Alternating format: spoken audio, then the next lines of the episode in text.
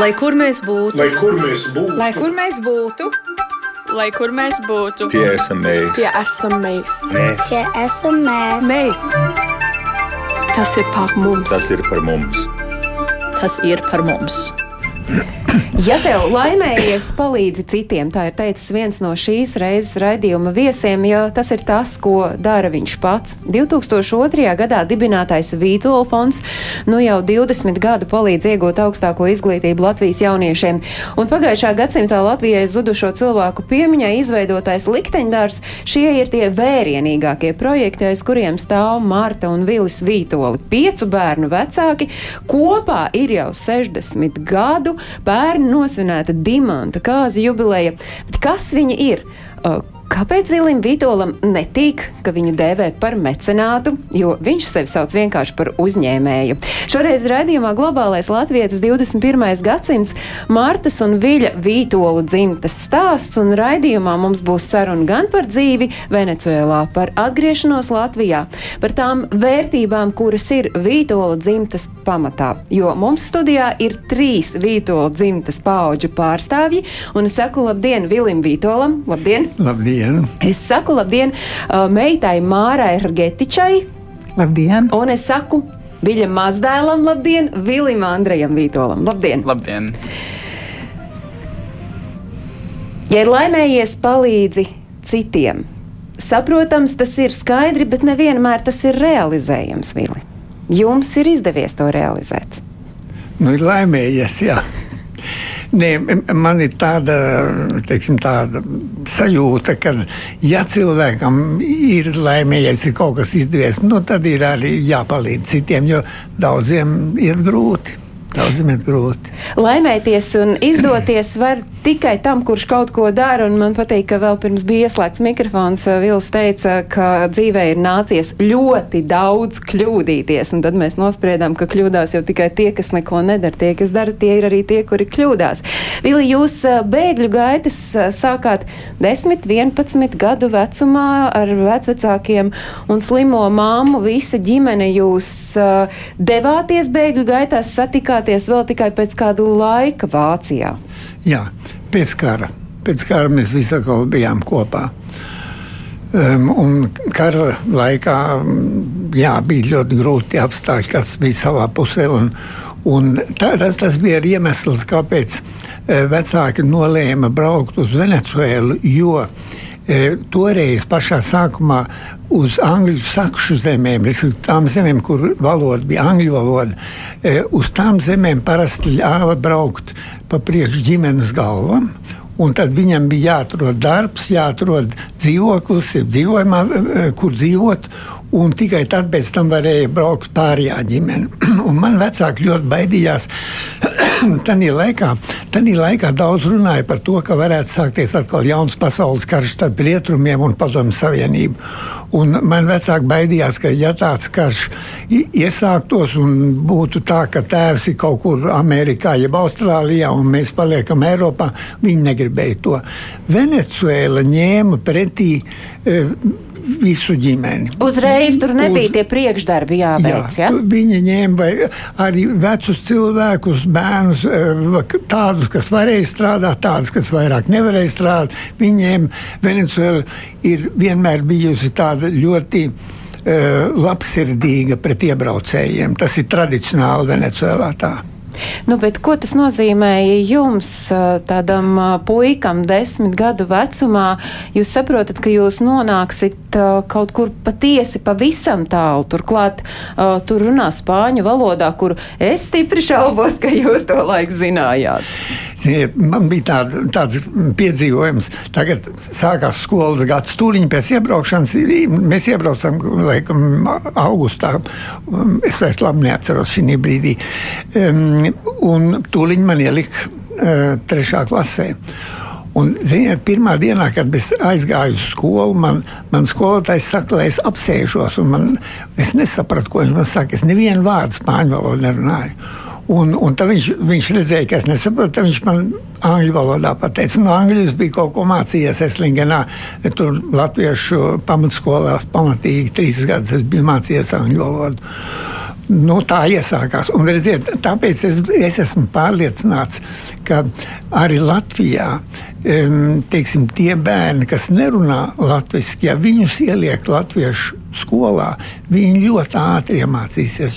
Mēs tie Latvi, jaunie latvieši, bērni, kas nonāca Venecijā, visi divu, trīs gadu laikā visu runāja. Un pieaugušie arī?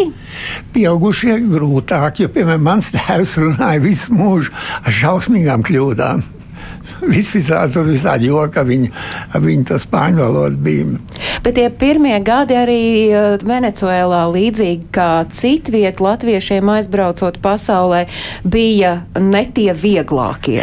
Ziniet, mēs, mums bija ārkārtīgi grūti pirmie desmit gadi. Es teiktu, ka mēs dzīvojam tādā tiešām nabadzībā, ar, ar, ar nu, ļoti ierobežotiem ienākumiem. Un, Un eh, pēc tam, kad es nobeidzu universitāti un sāku strādāt, un mans brālis nobeidza universitāti, tad, tad ģimene sāk atkopties. Bet tā izglītības iegūšana tas bija svarīgi. Jā, jo, absolūti. jo tas, tas kopējais fons, es pieļauju domu, tai brīdī Venecuēlā nebija tā, ka visi rautina rāvās un arī ieguva vietējie o, augstāko izglītību. Jums tas bija svarīgi. Visumā toreiz Venecijā nebija daudz cilvēku ar augstāko izglītību. Jāsaka tā, ka augstākā izglītība bija e, pa brīvu. Es, piemēram, es izgāju atlikušo daļu no vidusskolas, kas man trūka tie trīs gadi, un arī studijas, inženierijas studijas e, Venecijas centrālajā universitātē man nekas nebija jāmaksā. Un jūs to darījāt, jūs mācījāties, kāpēc? Tāpēc, ka tas bija tāds, nu, tā bija tāda norma latvietim. Jā, es teiktu, ka jā. Un, un redziet, arī teiksim, vērojot, kā cilvēki dzīvoja, cik cilvēki pelnīja, mēs sapratām, ka tas ir vienīgais veids, kā kaut kādā var nodrošināt puslīdz pieņemam dzīves līmeni. Jūsu sievas Martas ģimene kā nonāca savukārt Venecuēlā? Tas stāsts ir stipri līdzīgs jūsējiem vai citāds? Es teiktu, ka absolūti līdzīgs. Vienīgā starpība būtu, ka viņiem iznāca, viņi atbrauc ar, ku, aizbrauc ar kuģu, mēs ar lidmašīnu. Tā bija, nu, tas kā kura no kā kuras nometnes tas gadījās. Bet tas tās ir ļoti līdzīgs un apmēram abas ģimenes iebrauc tajā pašā laikā. Un tajā laikā, un, un arī mazliet vēlāk skatoties, cik daudz tajās bēgļu gaitās devās latviešu uz Venecuēlu, un vai tā latviešu kopiena mēģināja viens otram uh, vilkties klāt un turēties kopā. Jā, noteikti. Īpaši sākumā es teiktu, ka varbūt pirmos 30, 40 gadus latvieši ļoti turējās kopā. Un kas pēc tam notika? Redziet, ir tā, ka tie vecie nomira, un tad jaunie daudz vairāk, um, vispirms jau daudz vairāk nerunāja latviešu valodu, un tas jau tad, tad jau attālinās no tās kopienas. Un, bet, jā, tas bija, tas bija galvenais iemesls. Bet es atvainošos, arī daudz atgriezās Latvijā. Arī viena grupa atgriezās Latvijā, ne? un, un, tad, un tad ar to arī varbūt tās aktivitātes samazinājās. Nu, Māra ir ierunājusies, tad eh, jūs eh, to savu bērnību, nu, jau tādus patsmitnieka gadus, principā tajā Venecuēlā vielā atceraties, kā vairāk tomēr latviešu sabiedrībā pavadītus. Es domāju, ka jā. Lai gan, protams, man bija draugi, um, no studiju biedri, um, draugi, ar kuriem es kopā mācījos. Starp viņiem jau man bija draugi. Ar, Un Māra, savukārt, jums pasaulē ienākot, kurš tad ir tas brīdis, kad, kad jūs saprotat, ka jūs esat latviete, kuru vienkārši dzīvot pavisam citā vidē? Kopš es piedzimu. Jā, tur vienkārši mēs bijām, mēs bijām noteikti simtprocentīgi imigrantu bērni. Mēs gājām vācu skolā, un tur arī bija tikai imigrantu bērni. Un mūsu visas nedēļas nogaļa gāja latviešu pulciņā. Mums bija latviešu skola, mums bija tikai latviešu draugu. Mēs kopā arī braucām brīvdienās. Un tad, nu, kad jau bijām drusku vecāki, sākot ar astoņiem gadiem, mēs sākam, kad man bija astoņi gadi, man, mans māsas bija drusku vecāks, bet mūsu vecāks sūtīja uz Ņujorku uz Katskiļu nometni. To uh, vadīja evaņģeliskā Lutāņu baznīca Ņujorkā. Un mēs tur seši gadus bijām, un tad pēc, pēc nometnes mēs uz, saka, uz Minsteru, mēs bijām tautsdejas Minsterē, dziesmu svētkos, un tad pēc tam bija jaunatnes kongress, un tad nepārtraukti bija latvieši, latvieši vidē. Tas bija loģisks un likumsakarīgs droši vien. Tas jūsu, gan, gan jūsu, gan Mārtas kopīgi pieņemts lēmums, ka jūsu bērni augs kā īsti latvieši. Tā bija mūsu lēmums, jā. Bet tas visā ģimenēs nebija gluži tā. Tieši tāpēc es domāju, jūs jā. sakāt, ka daudz vienkārši aizmirsa latviešu valodu. Kāpēc jums bija svarīgi, ka jūsu ģimenē, droši vien mājās, jūs tikai latviešu valodā runājāt un ka jūsu bērni būs tādi riktīgi latvieši?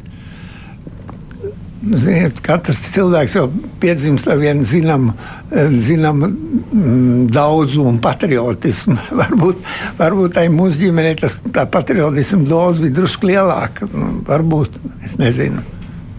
Tā bija Mārija. noteikti, noteikti tā bija.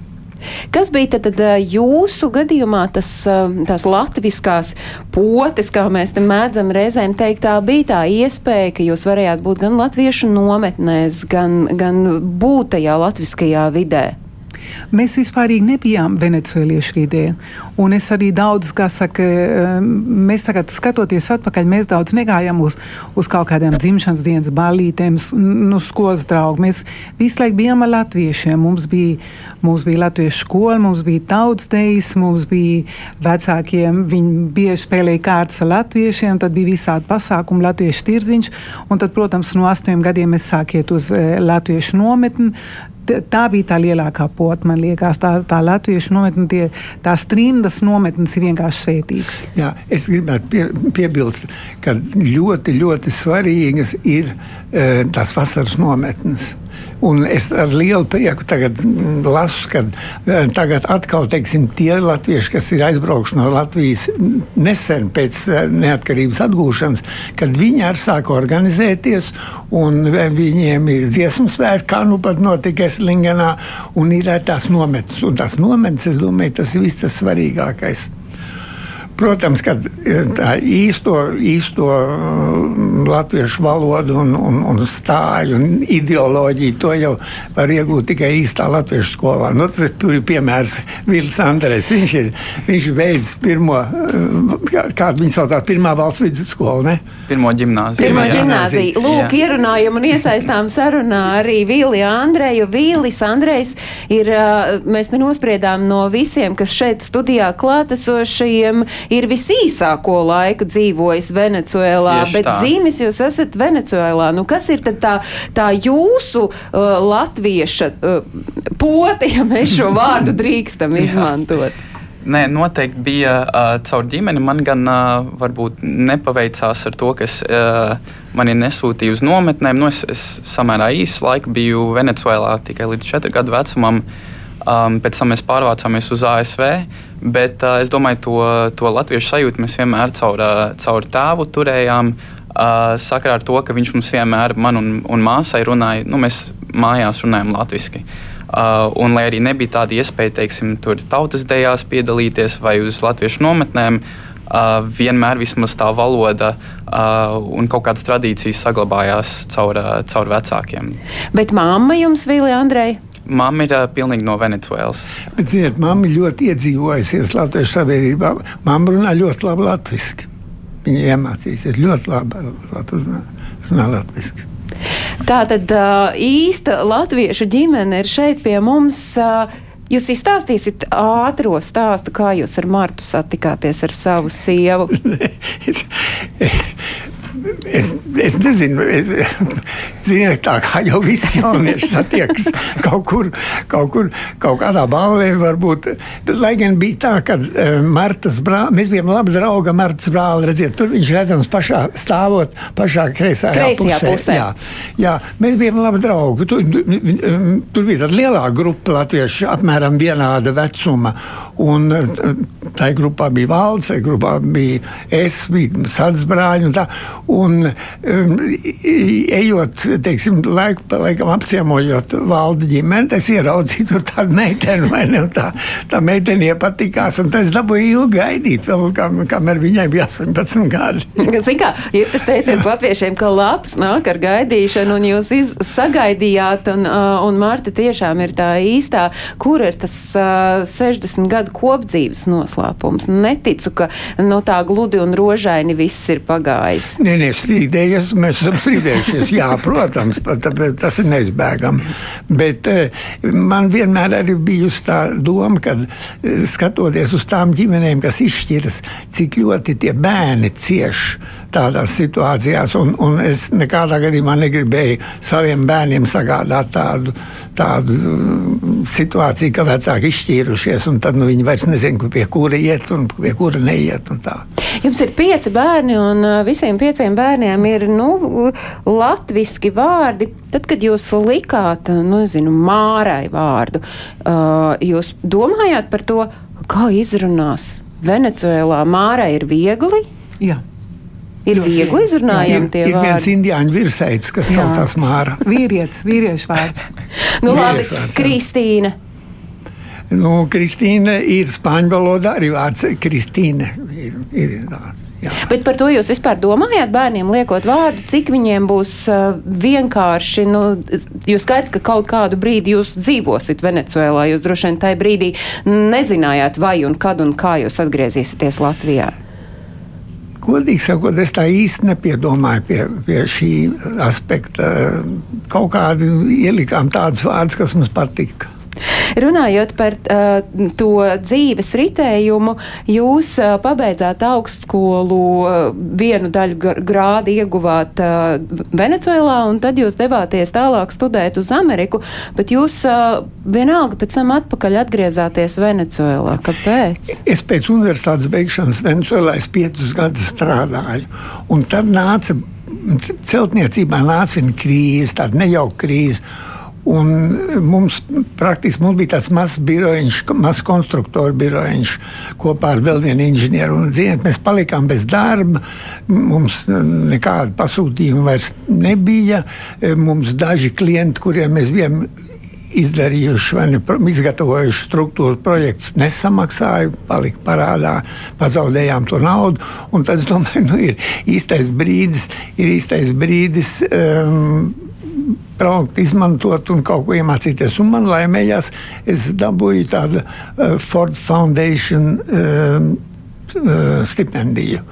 Uh, Fords uh, šī gadījumā ir tas uh, autoražotājs, lielais autoražotājs. Viņiem ir tas labdarības fonds un viņi dod stipendijas. Vai tas uh, fakts, ka jūs pats esat uh, studējis un, un turpinājis mācības pateicoties kādam uh, labdarības fondam, uh, ir arī kaut kā ietekmējis to, ka tajā mirklī, kad jūs uh, sapratāt, ka man dzīvē iet labi un es varu kādam palīdzēt, ka tas būs tas veids, kā es palīdzēšu? Varbūt. Varbūt. Bet eh, es teiktu, ka tas nebija noteicošais faktors. Tas noteicošais faktors bija, kad mēs atgriezāmies Latvijā. Tad mums abiem so- ar sievu bija tāda eh, doma, nu, vajadzētu kaut kādu palīdzēt. Kā, un tad mēs, eh, mēs arī drusku no sākuma tur uzdāvinājām kādai skolai datorus un nu, tādas līdzīgas lietas. Bet tad mēs redzējām, ka tas viss tāds ļoti sadrumstalots, tāda palīdzība ir. Un mēs ilgāku laiku, es vairs neatceros precīzi cik, bet es domāju, vairākus gadus mēs domājām, kur ar mūsu ierobežotiem līdzekļiem, jo, protams, mūsu līdzekļi ir ierobežoti, kur mēs varētu panākt labāko efektu, eh, kas visvairāk dotu nu, mūsu līdzcilvēkiem. Un, un tā doma beigās izkristalizējās, ka jā, izglītība tā šodien ir tas noteicošais, kas, kas nosaka, kā cilvēkam klāsies dzīvē. Un, un redzot arī, ka Latvijā ir ļoti, ļoti daudz talantīgi bērni, kur varbūt ģimenei nav tie līdzekļi, lai viņus izskolotu līdz ieskaitot augstāko izglītību, tad tur, tur ir tā vieta, kur ir vērts palīdzēt. Pieķeršos jūsu vārdiem, atgriežoties Latvijā. Tā atgriešanās Latvijā notika kā? Tas nebija, protams, uzreiz, bet saikne ar Latviju jums jau sākās jau patiesībā 70. gados. Ja, es jums pateikšu, ka man tā doma, ka es atgriezīšos Latvijā, man tā bija no, no, no bērnības. Nu, kopš brīža, kad jūs aizbraucāt jā, no Latvijas. Jā, tā, tā bija stingra apņemšanās. Un viņi vēl pastiprināja tas, ka tā mācības um, Eslingenas pamatskolā bija tādas ļoti latviskas. Um, skolotāji, kā es saku, tie bija vecie, labie ulmaņa laika skolotāji, visi īsti patrioti. Viņi arī mums, tiem skolēniem, viņi to šo patriotismu centās ieaudzināt, ie, iemācīt. Un tas bija izšķiroši arī. Bet jums, ko jūs bērni sacījāt tajā brīdī, kad vecāki teica, nu tā mēs tagad pavisam pārceļamies uz Latviju? Ne, mums tas likās pilnīgi normāli un, un kaut kā, kā varētu teikt, nu, dabisks, dabisks saka, nu, turpinājums viņa dzīvē, jo to mēs taču zinājām vienmēr, ka paps mēģinās. Paps arī, nu, pakapē, papa, piedošana, pakāpeniski atbrauc. Nu, es atceros, kad pasludināja neatkarību uz vietas, mēs atbraucām. Ir tāds, ir tāds stāsts, mans vīrs strādāja tajā laikā pie OPA birojā. Un viņš atnāk un redz, ka Dopaps ienāk iekšā, ātri skrien, aizsēs koferciet un saka, es braucu prom. Viņš saka, kur jūs braucat? Uz Latviju, Latviju neatkarīgi, atā uzreiz. Un tā dienā mēs iekāpam, man māsa Laura un es lidmašīnā un atbraucām e, pirmo reizi. Jūs tam... pirmo reizi tad bijāt Latvijā? Nē, nē, nē. nē, nē, nē, nē Kad bija jums pirmā reize Latvijā? Kad man bija 4, e, 15 gadi. 78. gadā. Tā nē, bija arī jums pirmā reize pēc prom aizbraukšanas? Jā. Nē, bet tu biji ar Kristīnu un Lauru, es biju otrā, otrā Ak, pareiz, jā. jā. jā, jā. Kā jūs tajā 78. gadā nokļuvāt Latvijā? Kā jūs arī pirms tam, nu kā, kā, kā, ka, kas ne. bija tas, kas jums ļāva tajā laikā arī atbraukt uz Latviju? Sākot, sākot ar Es vairs nesaprotu, ar kuru gadu e, Padomju Savienības vēstniecības deva vīzas uz deviņām dienām. Parasti uz, uz, laikam bija uz septiņām dienām, un tad varēja šeit uz vietas dabūt divu dienu pagarinājumu, turistu vīzu. Un, e, Pirms mums jau atbrauca daži Venecijas latvieši, piemēram, Pēters Bolšaitis bija pirms, pirms mums. E, un 78. gadā mēs tad pirmo reizi dabūjām vīzu. Toreiz, tajā pirmā braucienā, mums bija līdzi divas vecākās meitas, Kristīna un Laura. Un nākošā braucienā, divu gadu vēlāk, 80. gadā, mē, mums bija līdzi Māra. Un, un pēc tam, tad, uh, es vairs nezinu, kurā gadā, tad, tad mēs braucām, tad bija vils līdzi. Bet tie bija tie laiki, kad jūs braucāt kā ciemiņi, ne, vai, vai jau tajā laikā jums bija tā sajūta, ka kaut kad mēs šeit atgriezīsimies? Tā sajūta bija, un bez tam es redzēju, es redzēju, es, jeb es jūtu, teikt, kad, kad tas režīms kļūst eh, nu, tāds eh, izkurtējis vairāk ar katru reizi, un varēja arī zinām, tāda brīvība sāka parādīties. Eh, to jau varēja, varēja manīt. Kādu jūs atceraties, Māra, to Latviju, kurā jūs atbraucāt pirmo reizi, tāda patsmitniece? Man bija 15 gadi, es iekāpu e, vilcienā, kas brauc no Sanktpēterburgas, toreiz Leņingradu, uz Rīgu un iekāpot vilcienā Uz vilciena strādāja, apkalpotāji bija latvieši. Tas bija mans pirmais kontakts ar latviešiem. Es atceros, ka es vienkārši pazudu. Es teicu, papa un mammai, te ir latvieši strādā uz vilcienu. Es aizgāju pie viņiem, un mēs visu nakti, kamēr tas vilciens gāja uz Rīgā, mēs visu nakti runājām. Es paliku kontaktā ilgs gads ar viņiem. Tas bija pirmais kontakts. Man bija tā, ka vienkārši, kad, nu, tu brauc mājās, tu to Latviju pazīsti, tāpēc, ka tas tik daudz dzirdējis, ka es galīgi nejūtu, ka būtu kaut kāda sveša vieta. Vienkārši es braucu tur, kur pienācās. Tad atbraukt uz mājām, bet uz vietu, kurā nekad nav būts, tad tas nozīmē, ka tie stāsti, ko jūs stāstījāt, bija tik spēcīgi, ka viņi iedeva to sajūtu, ka es zinu, kur es braucu. Jā, un mums arī bija latviešu skola. Mums latviešu skolā mums mācīja geogrāfiju, vēsturi. Pa, uh, Omam, papa, mamma bija geogrāfijas skolotāji. Mēs taču, mums arī bija pat skroderdienas silvečos. Mēs, mēs, uh, mums bija uzvedums, mēs katrs iemācījās savu gabaliņu, un mums, mēs viņu, kā saka, nu bija uzvedums latviešu skolā. Mums bija ļoti labi latviešu skola. Mums bija labs vēstures skolotājs, paps arī bija skolotājs.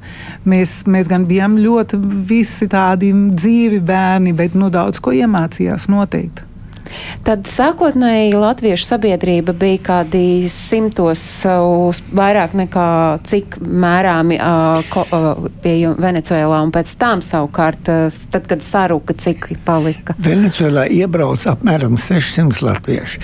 Pirms tam, pirms šīs grupas, bija vienīgais, ko es zinu, bija Aleksandrs Lēm, kas bija iebraucis pirms kara. Um, bet uh, pēc kara, kad sākās imigrācija Venezuelā, tad iebrauca apmēram 600 latvieši. Un tad, kad um, Kubā 58. gadā nāca pie varas Fidels Castro, e, kur mēs jau pazinām, ko nozīmē komunisms, tad um, bija tādas bažas, ka arī Venecuēlā varētu nākt pie varas kaut kāda komunistiska valdība. Un puse no latviešiem aizbrauc prom. Un uz kurien viņi aizbrauc? Amerikā? Aizbrauc lielāko daļu uz Kanādu, Ameriku un Austrāliju. Nu, Bet kā, jūs palikāt? Mēs palikām, jā. jā. Jo? Ziniet, es nezinu, es tā īsti nevaru jums atbildēt, jo bez tam tādā laikā ar man, man neviens neko neprasīja. Vecāki bija tie, kas nekonsultējās. Jā, nekādas konsultācijas nebija.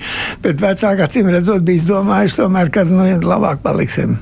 Kur mēs esam? Par atbraukšanu uz Latviju, Vīlija Andrejā, atceraties to savu atbraukšanu uz Latviju? Kāda tā Latvija bija?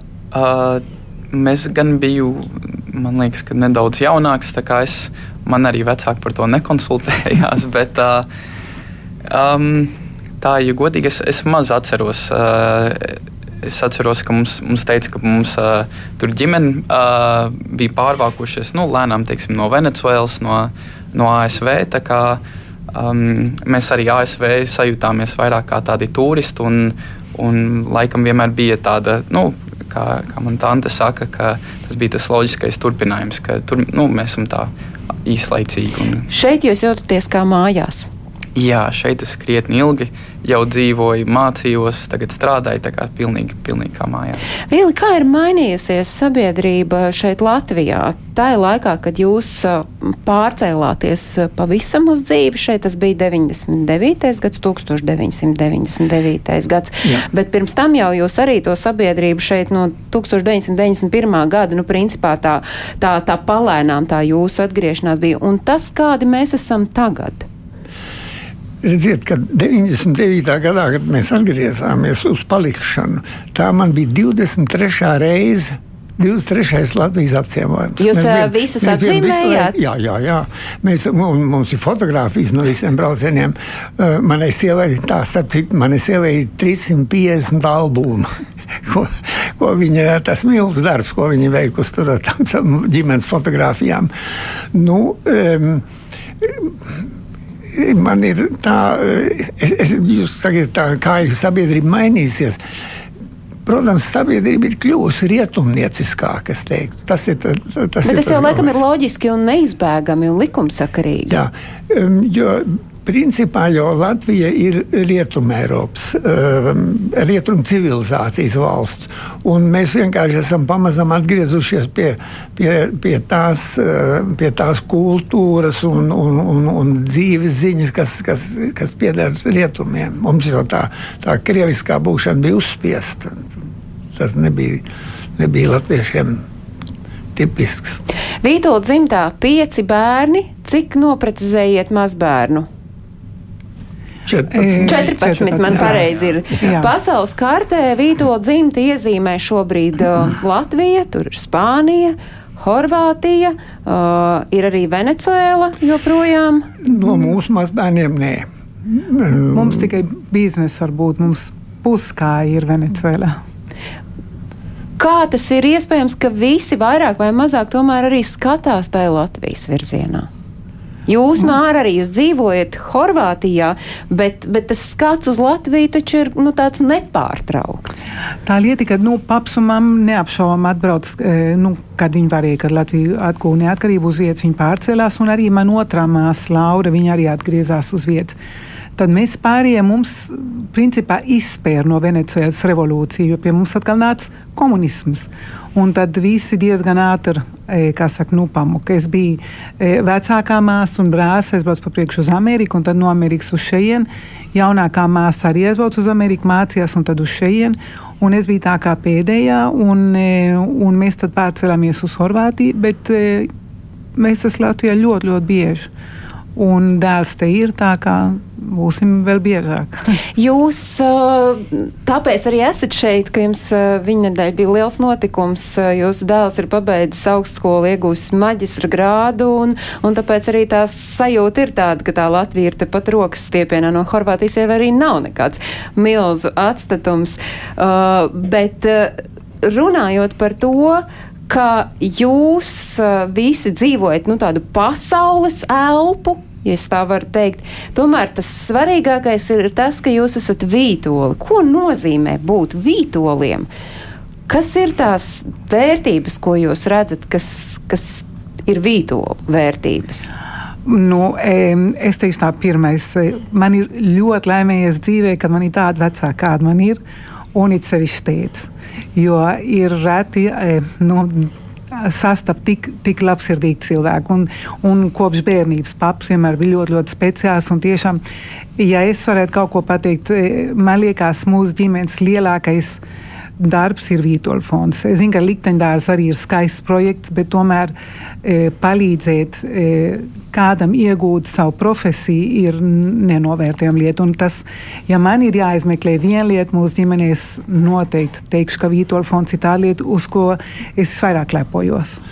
Bet man ir jāpiebilst tam, ko Mārta teica. Vidnola fonds nav vairs tikai mūsu ģimenes pasākums. Nekādā ziņā ir kā, vairāk kā 250 cilvēku un, un organizācijas, kompānijas, kas atbalsta fondu un kas ziedo fondam, un, un, un daudz no viņiem nepārtraukti katru gadu. Tā kā tas ir kļūst tāds, tā tāds tautas pasākums, varētu teikt. Ja. Nu, ne tikai tas, bet arī tie cilvēki, kas strādā Vītola fondā tie ir zelts. Jā, tas zelts. mums ir mums ārkārtīgi laimējies, un tāpēc tas fonds arī tik ļoti pieaudzis, ka mums ļoti laimējās atrast to pareizo cilvēku, kas vada fondu, kas ir Vita Dičs kundze.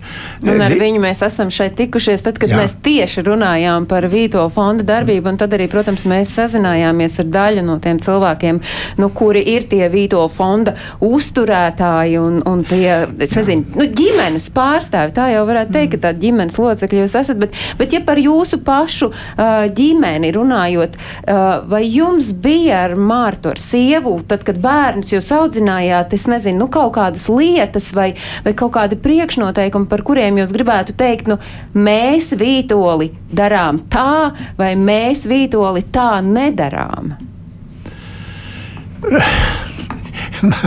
es teiktu, ka viena vien tāda raksturīga īpašība mūsu ģimenei, un tā bija arī maniem vecākiem un arī Martas vecākiem, ir tāds patriotisms, latviešu patriotisms. Tas varbūt ir tā, tā, tā galvenā īpašība. Uh, nu, e, abas ģimenes ir arī kristīgas ģimenes, bet es, es neesmu tāds dedzīgs kristīgais, vai ne? Man sieva, jā. Um, bet, protams, visi ir, visi ir pieder Luterāņu baznīcai. Bet, lai gan tagad mūsu ģimene ir apmēram pusi luterāņu, pusi katoļu.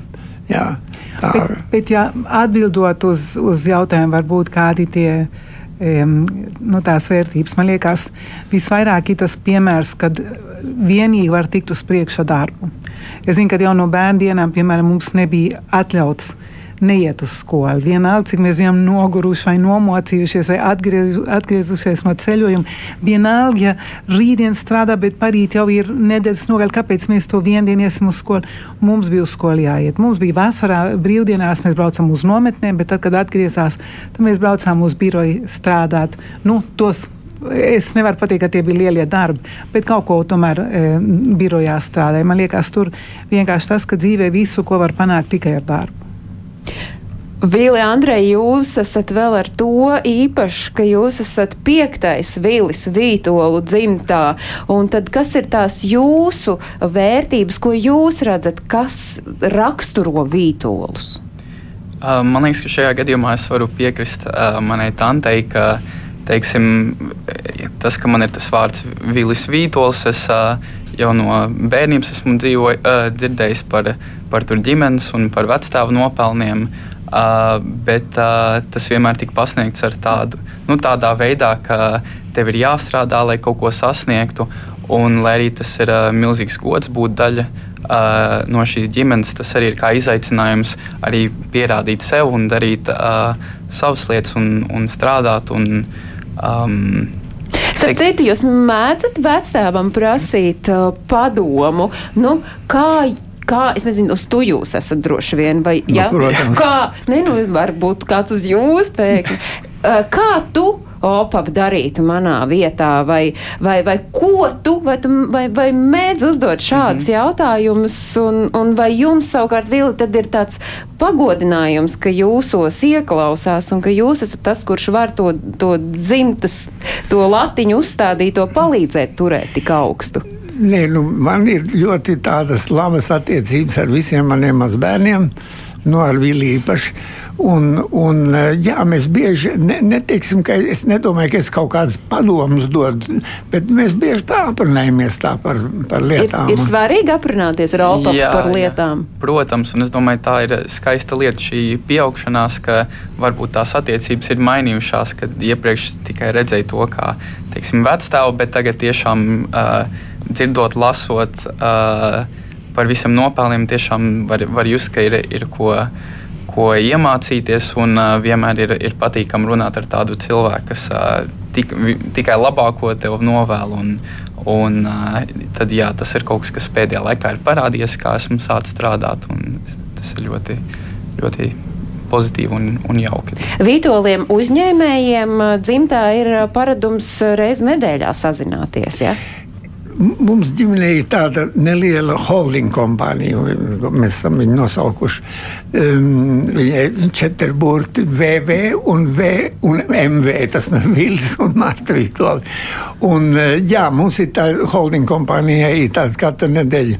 eh, Ceturtdienās mums tāda Zoom konference ir, jā, un tam mēs aprunājamies arī, arī par ģimenes lietām parunājam, jā. Un uh, vēl viena lieta, ko es gribēju jautāt, kāpēc jums nepatīk, ka jūs sauc par mecenātu? Redziet, Mecēnas bija viens romiešu bagātnieks, kurš atbalstīja mākslu. Tikai mākslu un māksliniekus. Un es, es nekad neesmu mākslu atbalstījis. Tāda man tas mm, vārds nepienākās. Skaidrs, jūs esat uzņēmējs, kurš atbalsta visdažādākajos veidos uh, tos uh, projektus, par kuriem jūsu sirds deg, un jūs izrādās vēl viena šķautne, ko varbūt dažs labs ir palaidis garām. Jūs esat arī rakstnieks, un uh, jūs esat sarakstījis grāmatas savējiem, tajā ir savukārt apkopotas pārdomas par Latvijai un latviešiem svarīgiem tematiem, un tad ir arī pārdomas par Krieviju. Nu, es sev par rakstnieku gan es neuzdrošinos uzskatīt. es jūs nosaucu par rakstnieku, man neviens neko nevar padarīt. Um, Jā, tā grāmata pārdomas par Krieviju, mm, viņa ir uzrakstīta. Man desmit gadi pagāja, kamēr es to jo es tur daudz ko pārdomāju, daudz ko pētīju, daudz ko lasīju. Un tika izdots 2016. gadā. Ziniet, tas, tas, kas tur ir rakstīts, tas ir absolūti aktuāls šodien. Nekas nav mainījies. Krievija ir tieši tāpat, bet viņa jau vispār nav mainījusies 500 gadus. Bet kāpēc jums ir interese par Krieviju? Tāpēc, kad mums Krievija dzīvo blakus, un, un diemžēl mums Krievija ir nodarījusi lielu postu vairākos gadījumos, iesākot ar Jānu Briesmīgo un, un nobeidzot ar Staļinu. Un, un Krievija zināmā veidā ir viens drauds visiem saviem kaimiņiem. Visiem saviem kaimiņiem. Zīmīgi, jā, grāmata, kur, kā jūs pats nulkā minējāt, iznāk uz 2016. gadā. Grāmatā ir viens no, viena no nodaļām sauc skarš ar Krieviju ir neizbēgams. Ļoti zīmīgs nosaukums 2016. gadā. Man jau tagad vairāk mani draugi izvanījuši un teikuši, kā tas bija, kad tu, kad tu uzminēji, ka tā būs.